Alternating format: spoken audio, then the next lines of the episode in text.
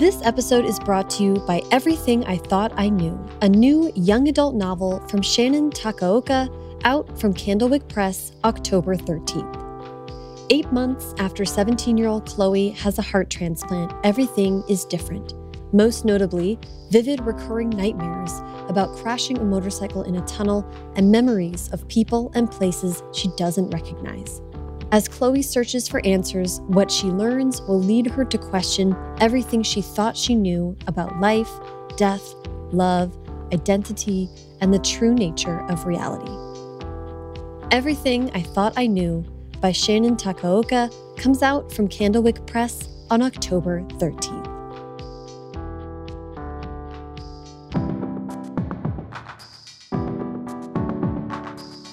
Welcome to First Draft with me, Sarah Enni. This week I'm talking to Justin Reynolds, author of The Opposite of Always, here to discuss his new young adult contemporary novel, Early Departures. I always love talking to Justin. And I love what he had to say in this conversation about books as small miracles, key stages at which mentors gave him the affirmation he needed, about Justin writing his debut novel and early departures as a way to get out of an emotional tailspin, and the line between self sacrifice and self destruction. Yeah, it's a, it's a deep one this week. You're in for it. Everything Justin and I talk about on today's episode can be found in the show notes. First Draft participates in affiliate programs, specifically bookshop.org.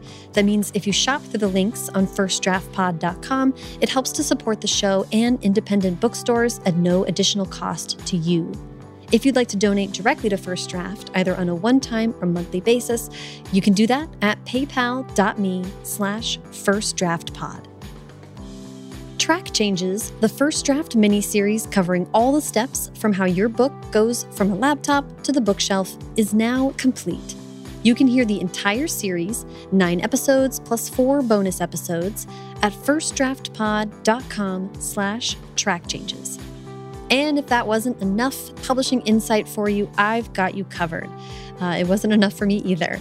The Track Changes newsletter continues, where every Friday I'm sharing more of the information I gathered in researching for the project, as well as ongoing news updates, exclusive interviews, and more original reporting from me on various and sundry things that are interesting to writers.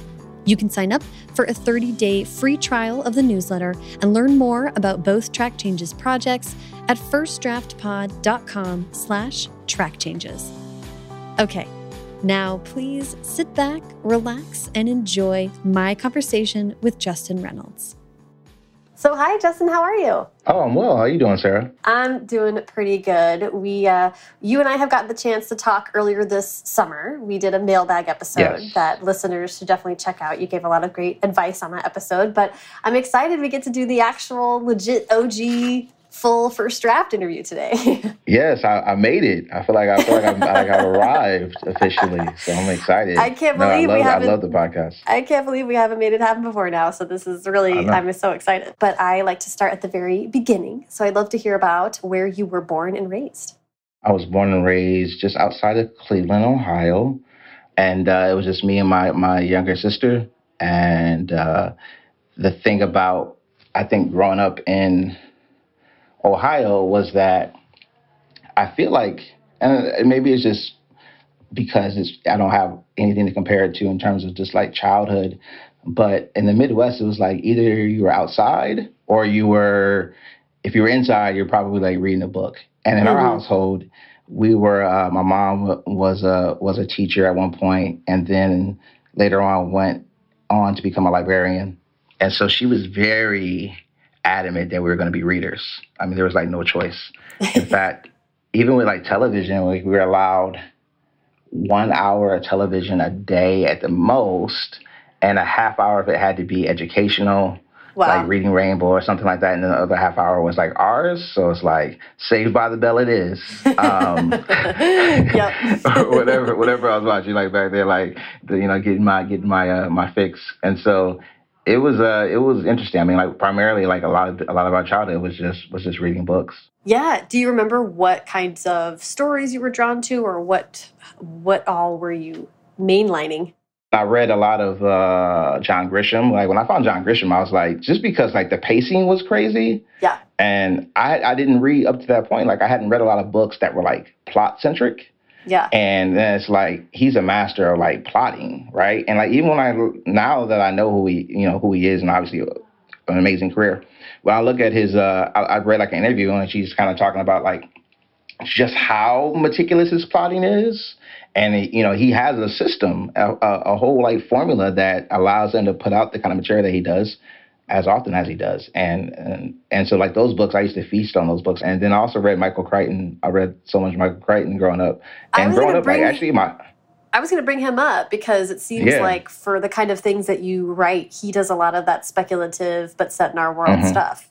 Yeah like he i mean my favorite book of his growing up was was Sphere i thought that that book uh, it did a lot of the things that I'm interested in, and, and that it asked big questions on an individual basis, like what what drives us as as individual people versus the good of the whole. Mm-hmm. And I think that's a question that I'm like constantly kind of battling in my own work, like what's good for us and for our small community for our family versus like what's good for everyone for the world mm-hmm. and a lot of times those are not those those two things are in conflict and there's there's tension there and so i think uh, michael crichton you know was kind of a master of incorporating the speculative elements into a story. And so like he he was asking and wrestling with these big questions about life and about the purpose of life and why we're here and like what's ethical, uh, uh, what kind of lives should we lead, and of course a lot of that has to do with his his medical background.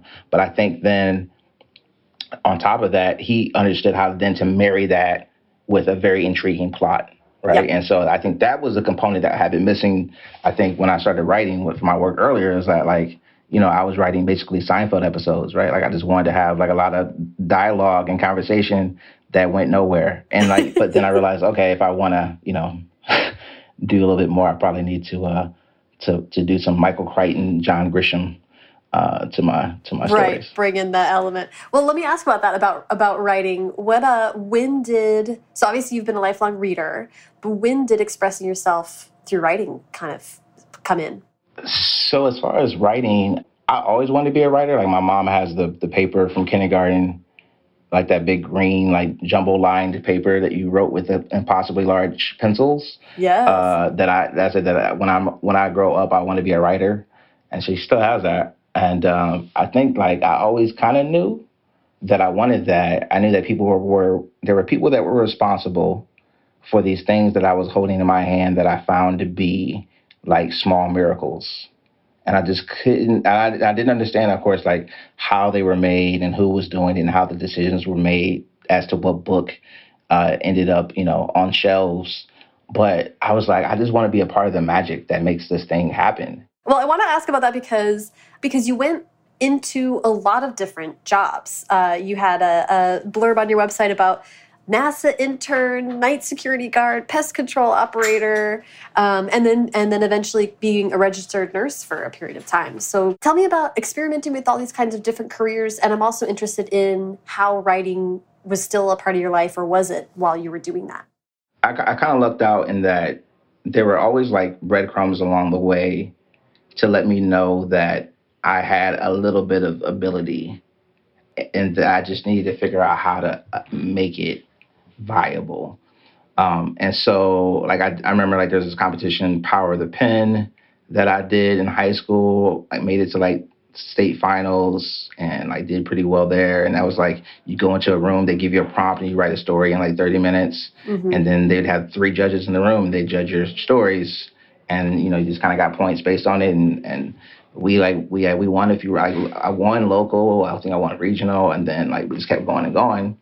And I think we took a team of like three or four of us with my um, my English teacher, and and uh, and that kind of just like I think confirmed at that point in time when I needed it the most that I could maybe do something with it. Mm-hmm. And then that kind of was just the case. Like that always kind of happened. Then I like I, I was taking college classes when I was in high school, and one of my professors uh, is a poet, um, a renowned poet, and he wrote a lot about his experiences in the Vietnam War and he took a special interest in me and like that was like the next step i needed somebody who who was doing something that like i respected and who was also respected by his peers and by the world and like and then saw something in my work and you know my work i think it was like decent for whatever but you know it's also very unpolished and there are a lot of rules like i think early on i was also kind of interested in poetry as well and i kind of hadn't decided that i just wanted to do prose and so i was trying to learn like even just the rules of poetry. And I remember like he was so much about like you kind of have to know how things work before you can deviate and break the rules. Right. Like you need to know like the cho- like you want to make informed choices right. so that it matters. So I think like I always had those things kind of leading up to it. But then there came a period of time in which like kind of I guess like reality kind of set in. I think I was 19 or 20 when I finished the first book I ever wrote. And it was called The Improvisational Distance and I sent it out. And like back in the day, you know, again, you couldn't email people, so I had to print this this this huge book out, 450 pages, or whatever it was. And I actually got it bound at like Office Max. Like I had it nice. like put it to a volume. Which by the way, like, is not like, cheap. Like, not cheap at all. Especially yeah. like when you're 19 and 20, you have like no money. Yeah. Um, so like I was doing that and then like I got that I got like Jeff Herman's guide to like agents or whatever it was. And I remember going through that book and they had like every type of genre and then they'd have the name of the of the agent agency that worked did that and then they'd have different agents and like what they were kind of looking for, kind of like manuscript wish list, but back then. And then they had the address and they're like, here's you send here's what they require. They want you to send the full a lot of times they want you just to send the full manuscript because it took so long right to do the whole thing that it was like you can't wait back and forth between samples and query letters and all that stuff. So you just send a query letter with your, you know, Full your ginormous book. Yeah. and that costs a lot of money to send. Yeah. And I remember, and then you also had to wait forever and a day, and you had to send them like a, a self-addressed stamped envelope if you wanted it to be returned to you, which I did because I spent, you know, 30 bucks on that on that yep. thing. It's like I can't spend $30 every time I send out a book. And so I just remember like, I mean, I sent it out. I don't know how many people I sent it to. I would say maybe 15 people, maybe 10, maybe 10, maybe 10. Mm-hmm. And, but I mean, they all were like, they're, most of them were form rejections I got back. And then I got a couple people who kind of like wrote like nice little letters that like small, but like mm-hmm. nice little letters that were just kind of like, hey, I think you have something, some kind of talent here, but I don't think that I could sell what you're doing. I don't, I'm not sure. I'm not sure you even know what you're doing. Really, basically, is, is what it came down to. Which I, you know, I I think it's true, but also not true. I think I think it was just kind of like the market was much different, and I, and I, and I think the kind of stories I was interested in telling, with the characters I was interested in telling them through, we just I don't think the world was quite ready for that, and so it was kind of rough, especially when at that time when I started doing that, I was taking classes. I think I actually had come home for a bit, and I was taking classes. I think at like Cleveland State or somewhere, and I remember I took like I think I also maybe auditing classes. I can't remember how it happened, but I was taking a class with uh, with the professor, and she was like a phenomenal human being first and foremost, and then she was just like a great writer, and her husband was also a, a well known great writer, and she took an interest in me in like a way that like I'll never I'll never forget. She just she, not only did she tell me that like I had a ability, but she like instilled confidence that like I deserved an opportunity to get stories told. And I think that was kind of what it was is like, you know, sometimes I thought like, okay, I have the ability, but nobody wants to hear these stories. Mm. Like mm-hmm. no one wants to hear these stories. And she said, like, no, there are people who need them. And like I'll never forget her for that. Um, she she unfortunately passed away uh, far too soon but she she was an instrumental person. She got me like my first like uh kind of like real fellowship. Got me to help me like do like this the summer writing institute in New York, and like a lot of stuff that just kind of made me feel like I belonged. I think, mm-hmm. Um, mm-hmm. and and helped me get in touch with people who were kind of like doing similar things. It was it was enough. She wrote this recommendation letter for one of these programs that I ended up being in that I didn't even know that she was like applying for me, and I had that re- I had that recommendation letter, and I can't tell you like over the last you know, 15 years, how many times I looked at that for like just for like reassurance and also to kind of feel like she was there, like she trying to see whatever she saw. And That's uh, amazing. you know, I'm thankful for that. Yeah, yeah, I'm thankful for that. So like, I think you know, I ended up taking like a lot of different jobs and going to a lot of different schools and uh, just kind of like trying to feel, figure out what I wanted to do. I had an internship at NASA because at one point in time I was going to be a computer engineer, and that a lot of that was kind of like my dad's influence, wanting me to. My dad's a math and science guy, Mm. and wanting me to have stability Mhm. and wanting me to have like, like you know he knew the type of, of of sacrifice I guess that was required to lead a life in the arts and I'll be honest like you know especially for like a black man like people of color it, it was kind of like my dad never was in a position to think about like I want to just do this job because I love it. Like that wasn't ever really an, an option for him. And uh, I think that he was worried that in my pursuit of this thing that no one could quite understand how to get there. There was no formula that i would lose countless opportunities to to build a life for myself and you know in, in some respects he was right i mean definitely engineering was a safer choice and i was i happened to be good at it and um I think that was the other part of it for him was like, here you have this opportunity to excel in something. You know, I uh, one year like I won NASA Intern of the Year, and I remember that was the year that I already decided. I just hadn't told anyone that I was not gonna do engineering anymore. Wow. Um, yeah, and I remember like my parents, like I didn't know that I had won, and I remember my parents showing up to this to this uh, this this kind of end of the program ceremony, and uh, I was like, "Why are you guys here?" I just didn't even like I couldn't even figure out like why they were there because I hadn't told them about it. They're all like dressed up, and I'm like, "What's happening?" And then you know I won. I just remember like my parents, especially my dad, being like so proud because like he wanted me to be an engineer, right? And then like you know now my son like works at NASA and he's getting school paid for and all this stuff. right. And I, in my heart, I had just realized that, like, man, as as much as I appreciated that experience, what NASA really did for me was it solidified the fact that I should be writing because when I was there, the program that I was working in with my mentor, my two mentors, it was really fun and it was cool. But I was working in kind of in this cubicle with three other guys, and I just saw my whole life unfold and I knew it was always going to be in this cubicle. I felt like I was withering. I mean, I just couldn't imagine it. It it, it it's not. I've never been a nine to five person.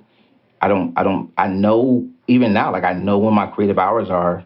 I know when I'm at my peak. I know like when okay now it's a good time to do business because I'm in this different headspace. Like I've always been kind of aware of like of my of my body frequencies, and so Mhm. it was just like I can't I can't sit here for every day nine to five. I just can't do it. It it like felt like it was like I was kind of slowly dying. But like how do you say that as a young person when you've been handed this amazing opportunity? Like how do you say it's not what it's not for me? right. And how do you say that to like uh, uh, to your father and to your mother who worked so hard so that you can have an opportunity in life and do well for yourself? How do you say that like it's not enough for me? I want this other thing.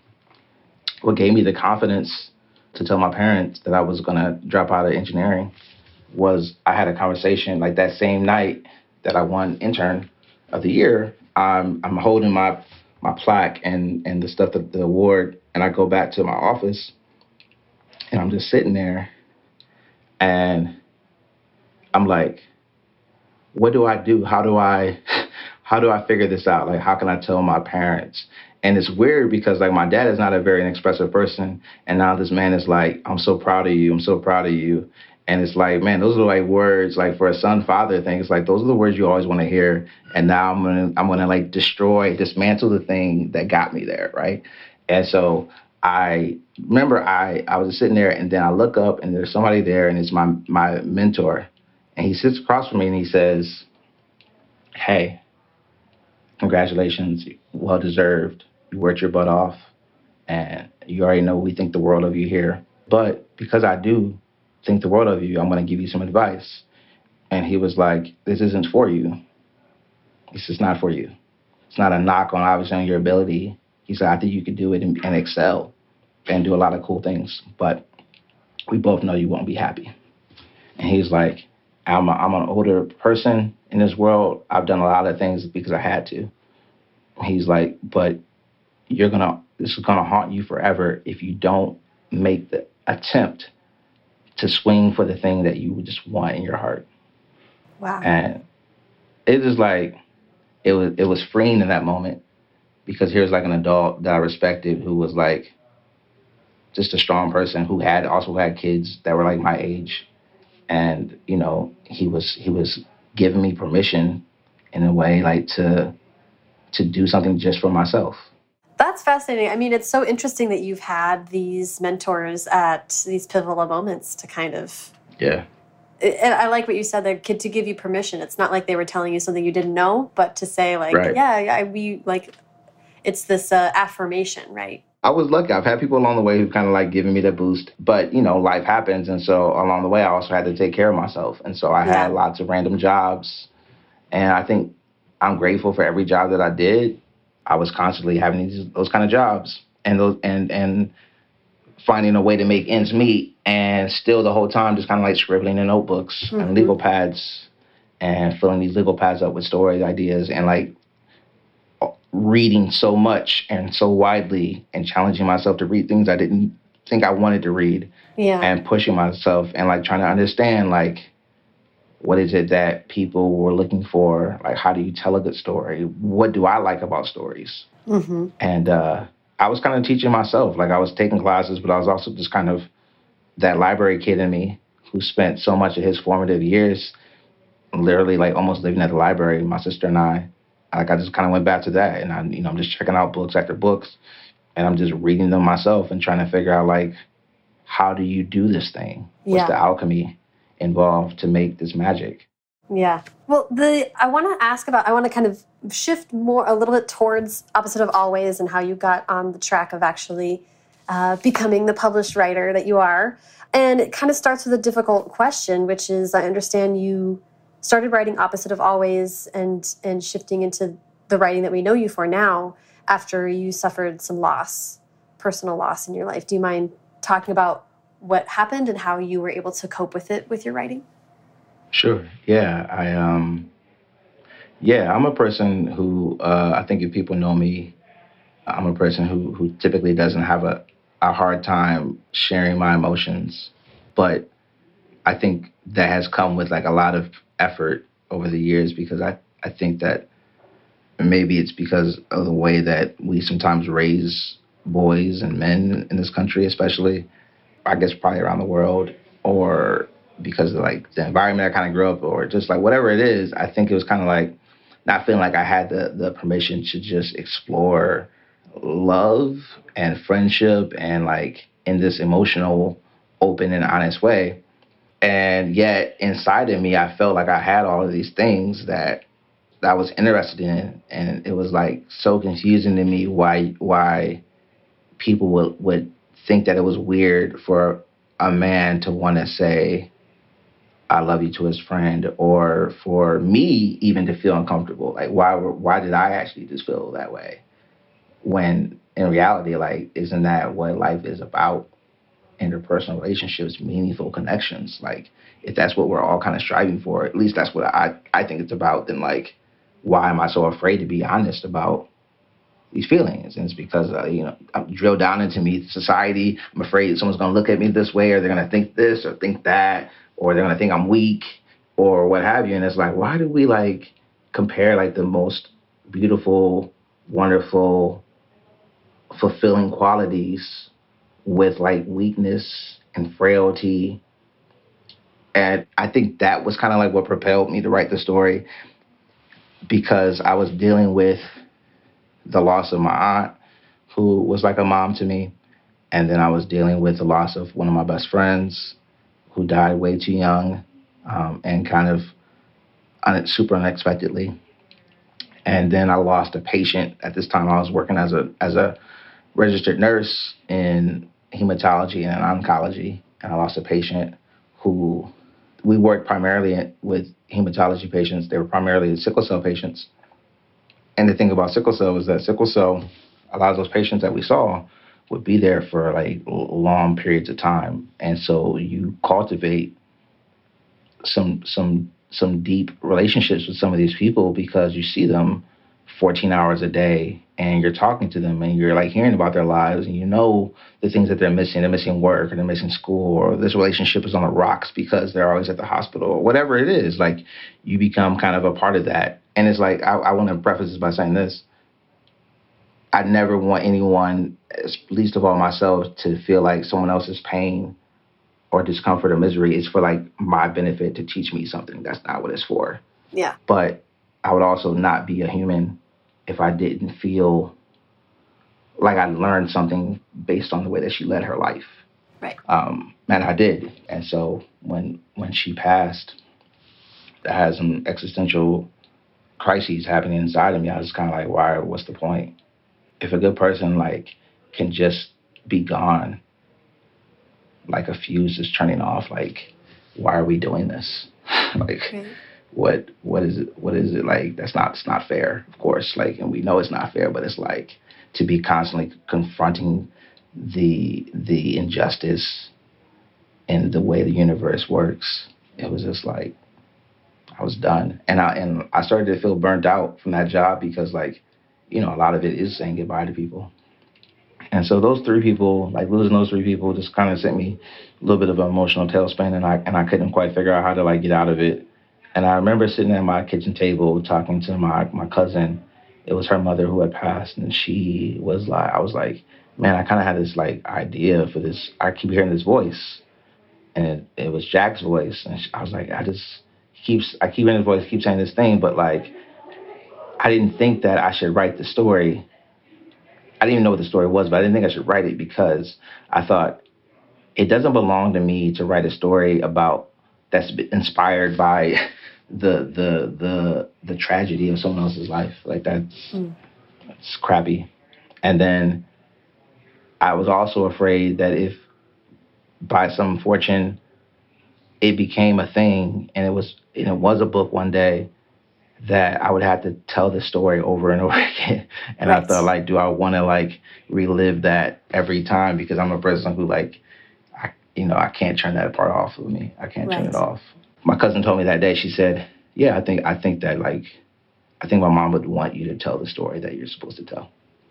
And that kind of just unlocked it. And then I, you know, the first line that I heard Jack say was like, "People like to say there's someone for everyone," and I think that was like a thing that I was kind of wrestling with, and. uh and and it just kind of that story took kind of took off from there. And I, and honestly, I, I'd be you know, I wrote that story kind of in a fever dream. I don't even remember writing some of it because of uh, it was a very emotional time for me, and it was therapy on the page. And I was wrong because when I was finished, and you know, it eventually became a book. Like I thought it would be the worst thing to talk about, but it turned out in some ways to be some of the best, most therapeutic moments of my life. Talking to people who who had also lost people, and seeing like the the pain in their eyes, but also some of the healing that they were doing or that they were undergoing, and knowing that uh, you know you feel a little less alone, but also like there's some understanding there, and there's and you understand that like we're all undergoing some form of trauma probably in our lives, and we're all undergoing we're all at different stages of healing. And um, if we can just help each other along a little bit, then then then we've done a great thing. And I and I was hoping that the opposite could then kind of provide a little bit of that hopefulness that we all need. Yeah, well, and thank you for talking about it because it is intense and very emotional. Yeah. But, you know, what struck me in hearing your answer was that, that moment of why are we doing this, right? Like, why are we tasked with consciousness? Like, what do I do with this? Yeah. And and hearing you say that, I'm like, yeah, you know. And I think that what makes writers writers is that that for us, that's not a rhetorical question. like no, we yeah, actually yeah. take on the burden of trying to answer it. it's true. It's true. As crazy sometimes. as that is. and yeah, I mean that book, that book, writing that book taught me a lot. I, I think I kind of alluded to it earlier, is that the stories that I was interested in, in telling were the stories that were highly character driven. That's important to me because I'm trying to write people who are who are, are are are very flawed, but who are still at their core like people who are just trying to figure out life and trying to like do their best to do no harm to others. Um, and and even when they do a lot of harm, which happens in both books, owning it and trying to do better the next time.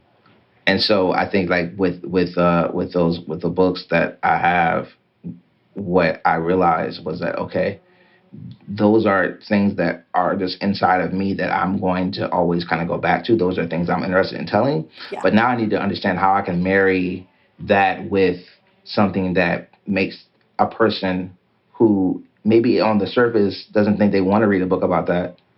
Um, how can I make those people pick up the book?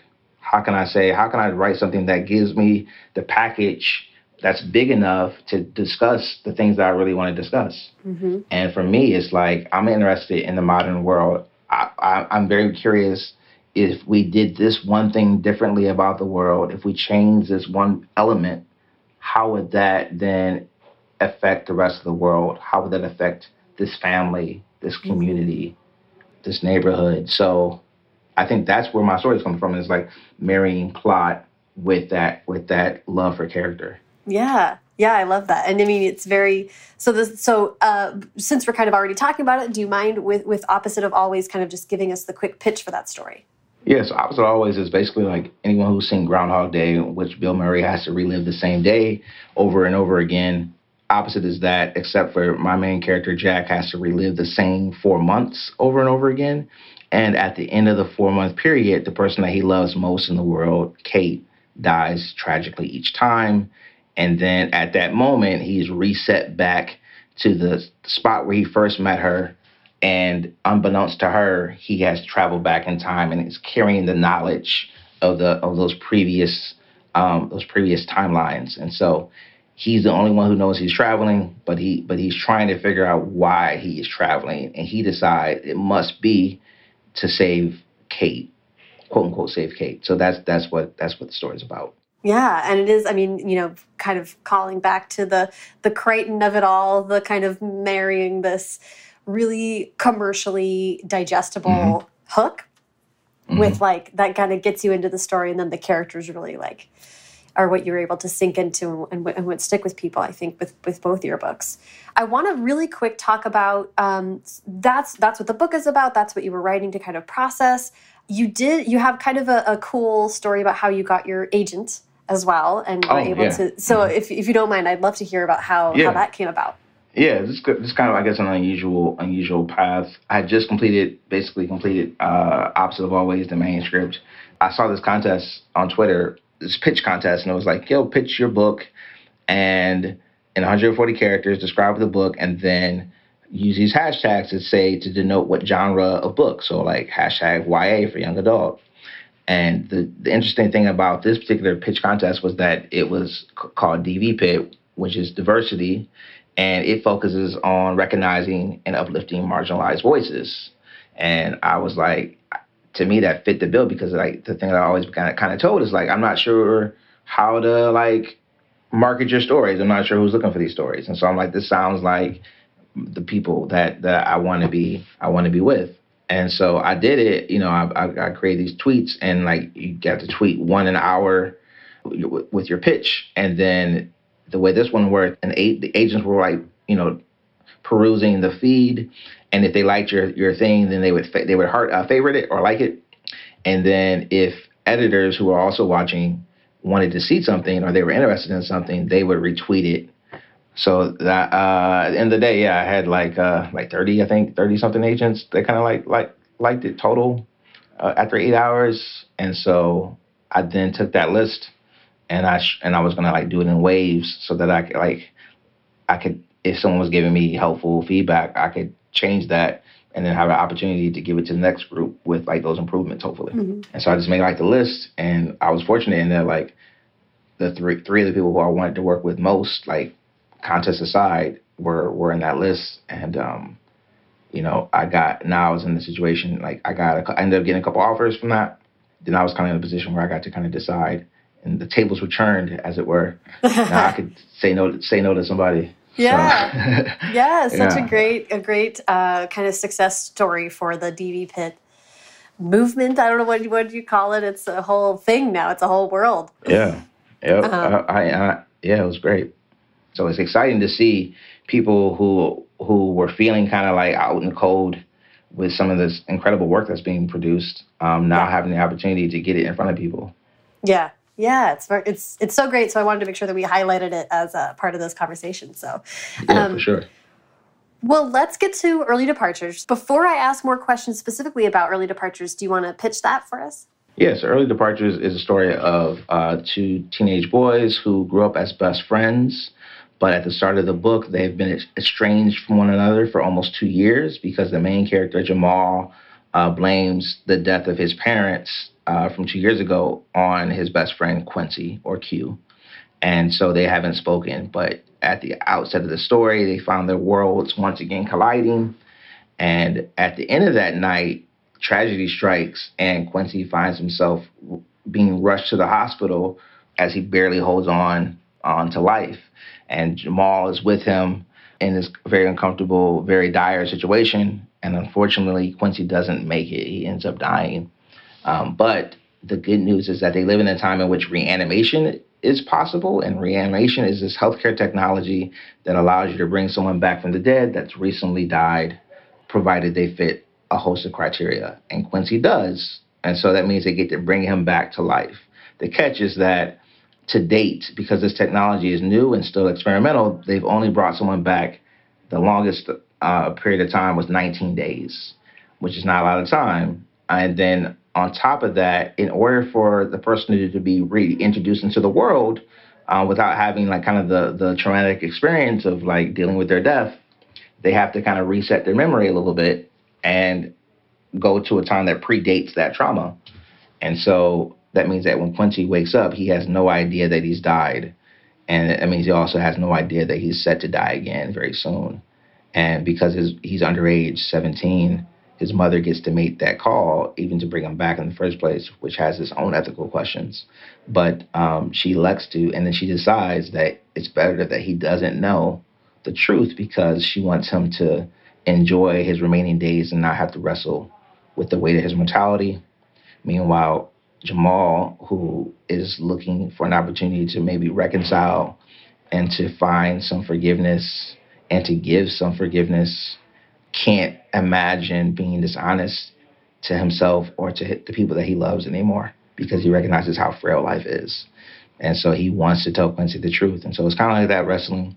But during the course of this relationship uh, of the story, um, as they as they kind of relive Quincy's last few days and have an opportunity to, to spend those time with him, you get like kind of like a lot of flashback moments about like what made this friendship the type of friendship that it once was, which was this inseparable, this is my person forever we're going to live together. We're going to have our kids are going to be best friends, like that type of love that they had between each other. Um, so that's what Early Departures is. Yeah, yeah. And it was a really beautiful book and really funny, which, of course, you know, people who know you from Opposite of Always would come to expect. Uh, just kind of a really like full of heart.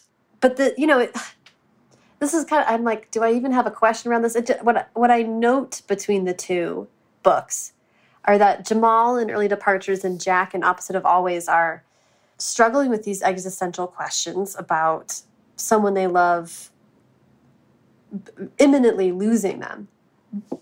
But the kinds of questions, you know, it's almost like these godlike questions of like, mm -hmm. they know what's going to happen. And so, given this almost godlike information, what do they do with it? I mean, that's like yeah. a lot to put on a young no, character. it's heavy. It's heavy. It's heavy. It's heavy. I'm interested in why why the why you think the plot devices that you went with with these stories are not like you know notably in early departures Q is able to come back but it's not permanent, uh, and right. nor did you write a story where he comes back but he has these XYZ complications. It's like fully like you only have this time. What what do you think about that as a premise is so compelling to you? I think I think that it's the questions that I'm wrestling with. Like I, all my stories start with with questions that I'm either like trying to wrestle with or that I feel kind of bubbling up inside of me. and the page has always kind of been the way that I deal with that. And I think that like what Jamal and Jack both have in common is that they're both trying to figure out what their responsibility is to the world and to their family and to their friends. Like, how do you live a good life? Uh, I, I, a book by Sheila Heti uh, has like the best title ever. It's "How Should a Person Be?" That's a question I think about a lot. How should a person be, and like how does that, like, how do we decide what it is to be a good human? Some part of it is kind of like me looking back and thinking like we probably need to do a better job of talking about these things earlier with with with young people and giving them permission to ask big questions and feeding yeah. that curiosity and also admitting that we don't have a lot of the answers and that that's okay that it's a lot of it is you kind of forging your own path and and and and trying to figure out things on the fly that's so much of what life is but that like you're not alone in these questions and that sometimes like the the, the journey itself as you try to figure out the answers is is like is the is the entirety of the of the answer. Mm-hmm. Um, and so I think Jamal and Jack they they get these speculative elements in their stories so they can so that they can fully explore and have like a, a limited amount of time to do it to try to process it because that's kind of like how that's how those things work. We we get a finite amount, amount of time and and and we have to decide like what is this time that I have in front of me? What is that supposed to be allocated toward? What should I be doing with that? Right, and and in early depart, you know, in both, but but I definitely felt as reading early departures. Me as a reader, I was picking up on Jamal's sort of angst about trying to extrapolate what he was doing for himself and what he wanted to do for what was best for Q and when mm-hmm. their needs were aligned and when you know it was just this like so much of what being an adult is is like understanding the wholeness of the person you're of the people you're with and when is it selfish or when is being selfish what you have to be you know it's like hard yeah. questions it's hard questions I, it's questions that i still wrestle with to be honest like i think some of that some of that what you're hitting on is like is something that i still try to I'm still trying to figure out in terms of like how do you how how can you be a good friend? How can you be a good brother or a sister or a mother or a father or an aunt or an uncle, a citizen, uh, an engaged human at your job? Like, how can you be all these different roles? Like, how much of yourself can you split and divide and still have people feel like they're getting a whole portion of you. And it's like I'm a person who like never wants to shortchange people. You know, like I want to give everybody everything that they're due and everything I think that we all deserve, which is like someone's full attention and someone's commitment and someone's belief and someone's confidence and someone's love. And I think that like what you start to realize though is that sometimes those things also run counterintuitively to the things that we need. And sometimes where where, some people are built that they're going to put other people's interests ahead of their own, and that has uh, has has consequences. Um, and so much of life is trying to figure out like weighing the consequences versus the gains and trying to decide like how do you put a value on like this experience if it helps this person how do i but at the same time like i need self-care how do i take care of myself so that I am still in a position to help people or in a position to like be a friend um, for my for my for my friends. So like I think those are questions that like I yeah you're right. I mean when you said earlier like kind of like God like questions, it's like yeah I don't I think what everyone's gonna learn. I think what the characters all learn is like there's there's not a there's not an easy answer. And and you and I think I mean both people really mess up at times. And I think it's because like there's no formula. And and and and you're going like how do you deal with the idea that you have failed the people you love most? Right. Right. And how do you accept the inevitability that you cannot be a person without hurting other people you can't fully exist without other people having to endure something to make that room for you it's true it's like you you realize that not only is there a finite amount of time, there's like only so much space in, in our in ourselves and our brains and our hearts. And the thing is interesting is like we're all kind of like hurtling through time and space. And I think a lot of people we've kind of been conditioned where where we kind of have decided that it's best to kind of like not be involved, to not touch anyone, to kind of stay in your own lane. It's not my business. It's not this or that. And it's like that's not the kind of life that I want to lead. And I don't know if I could. You know, I, I'm not a hands off person.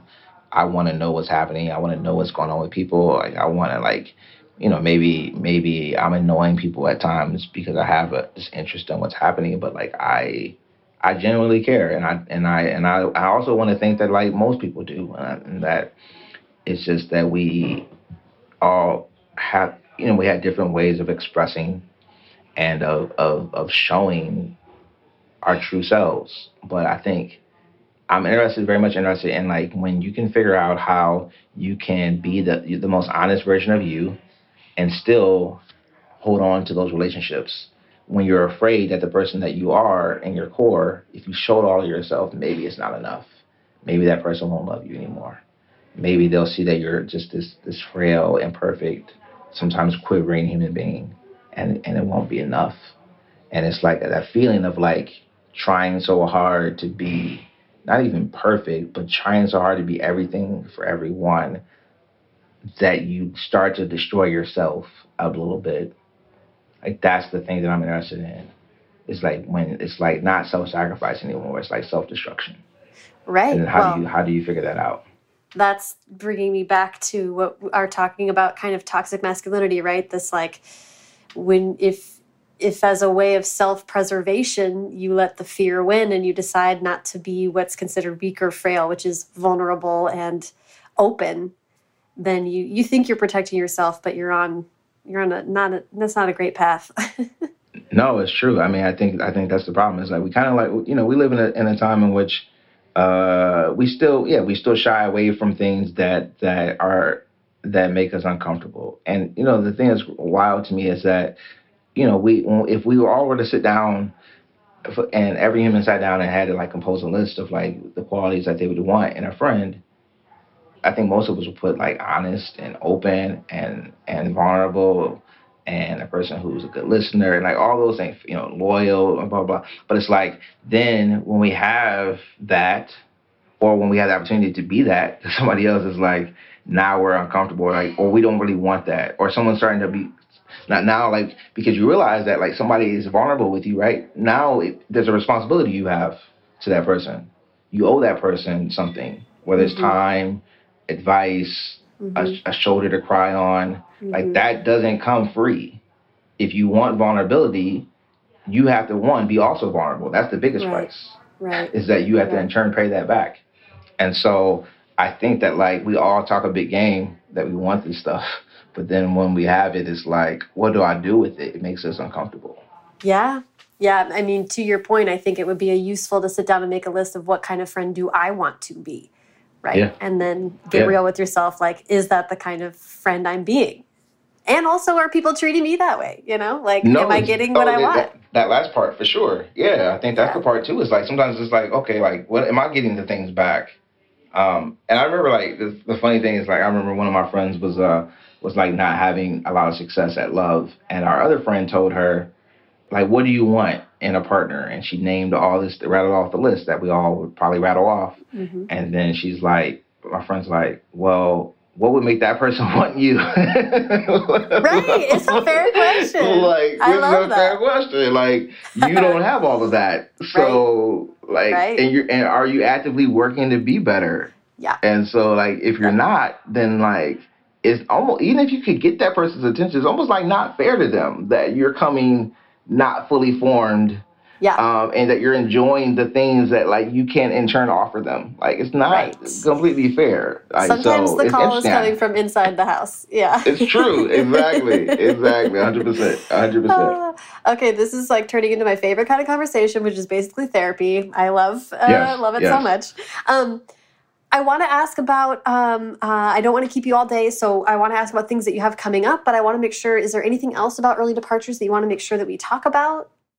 Yeah, I think like the biggest thing I would say is that like the the the thing that I, I find So I think when you read the synopsis and like when you look even like the title, I think it it could, it feels very heavy. On the cover is like you know kind of this this this reference to kind of these ghost images of people, and it is dealing with with some things that are are hard things to talk about sometimes. Grief um, masculinity friend, uh, best friendship that's in dire straits all these kind of things. But i think at the at the heart of the story um, the same way that people kind of reference opposite of always as like this rom-com which in reality like someone dies repeatedly it's an interesting way to put it.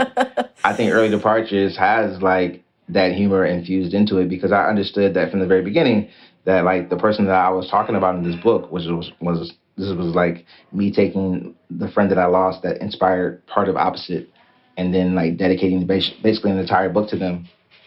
What I realized is that like the thing that they did most for me was teach me how to laugh. And the thing that they did most for me was give me permission to like not take myself so seriously sometimes. People um, who aren't who maybe pick up the book may not realize is that like the book is is is at its heart a book that's about love that's that's that's being had, love that's been lost, but also like the the laughter that fills those those gaps in between.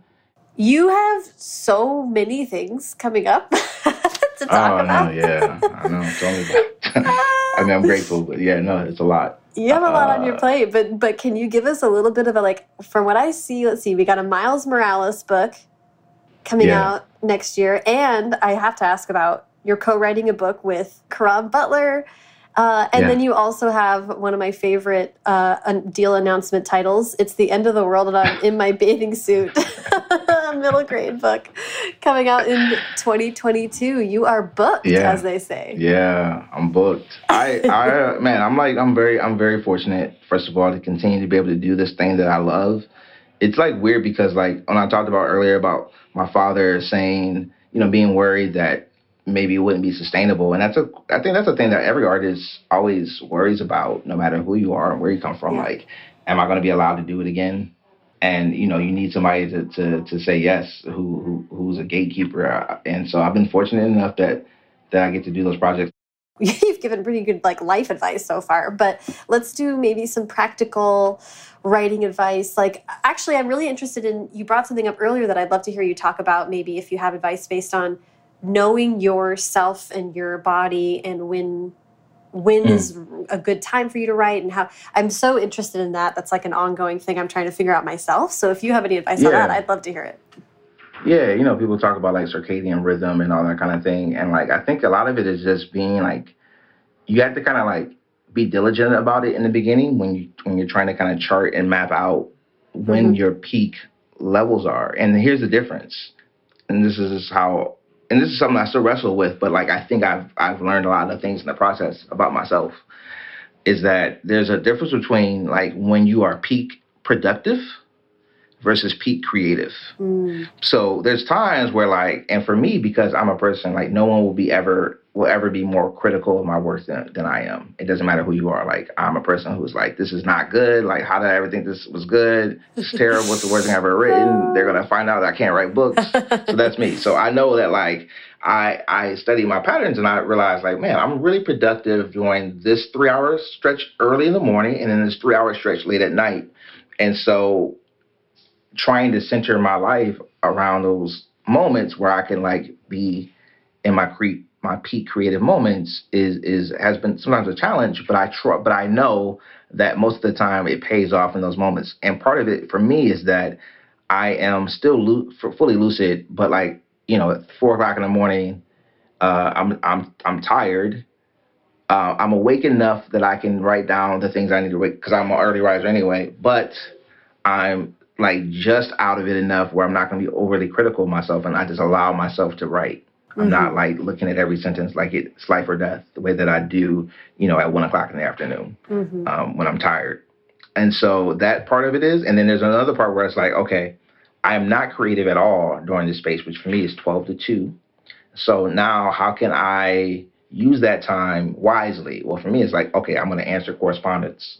I'm going to make travel plans. I'm going to do all the business elements uh, all the practical things. I make appointments for myself. You know, mm-hmm. I'm going to go to therapy, mm-hmm. like whatever it is. And that time is like, okay, this time is not going to be uh, where I'm at my best creatively, but I can still use that time to like get life things done. Mm-hmm. And so, and then it's kind of like building your life around it and, and recognizing like, okay, in order for me to, to do that four o'clock start, what time do I need to go to bed? Right. All right. What what do I need to be eating? I need to be like, do I need to plan out this day? Do I have like some snacks that are like healthy that I can like use to sustain me and kind of give me that little bit of boost that I need? And uh, and that's that's kind of like a thing that I've been really really, especially in 2020, working at home, like all of us have have had to do at some point. Um, it's been the thing that's kind of really allowed me to like not completely collapse. Yeah. thinking about those things.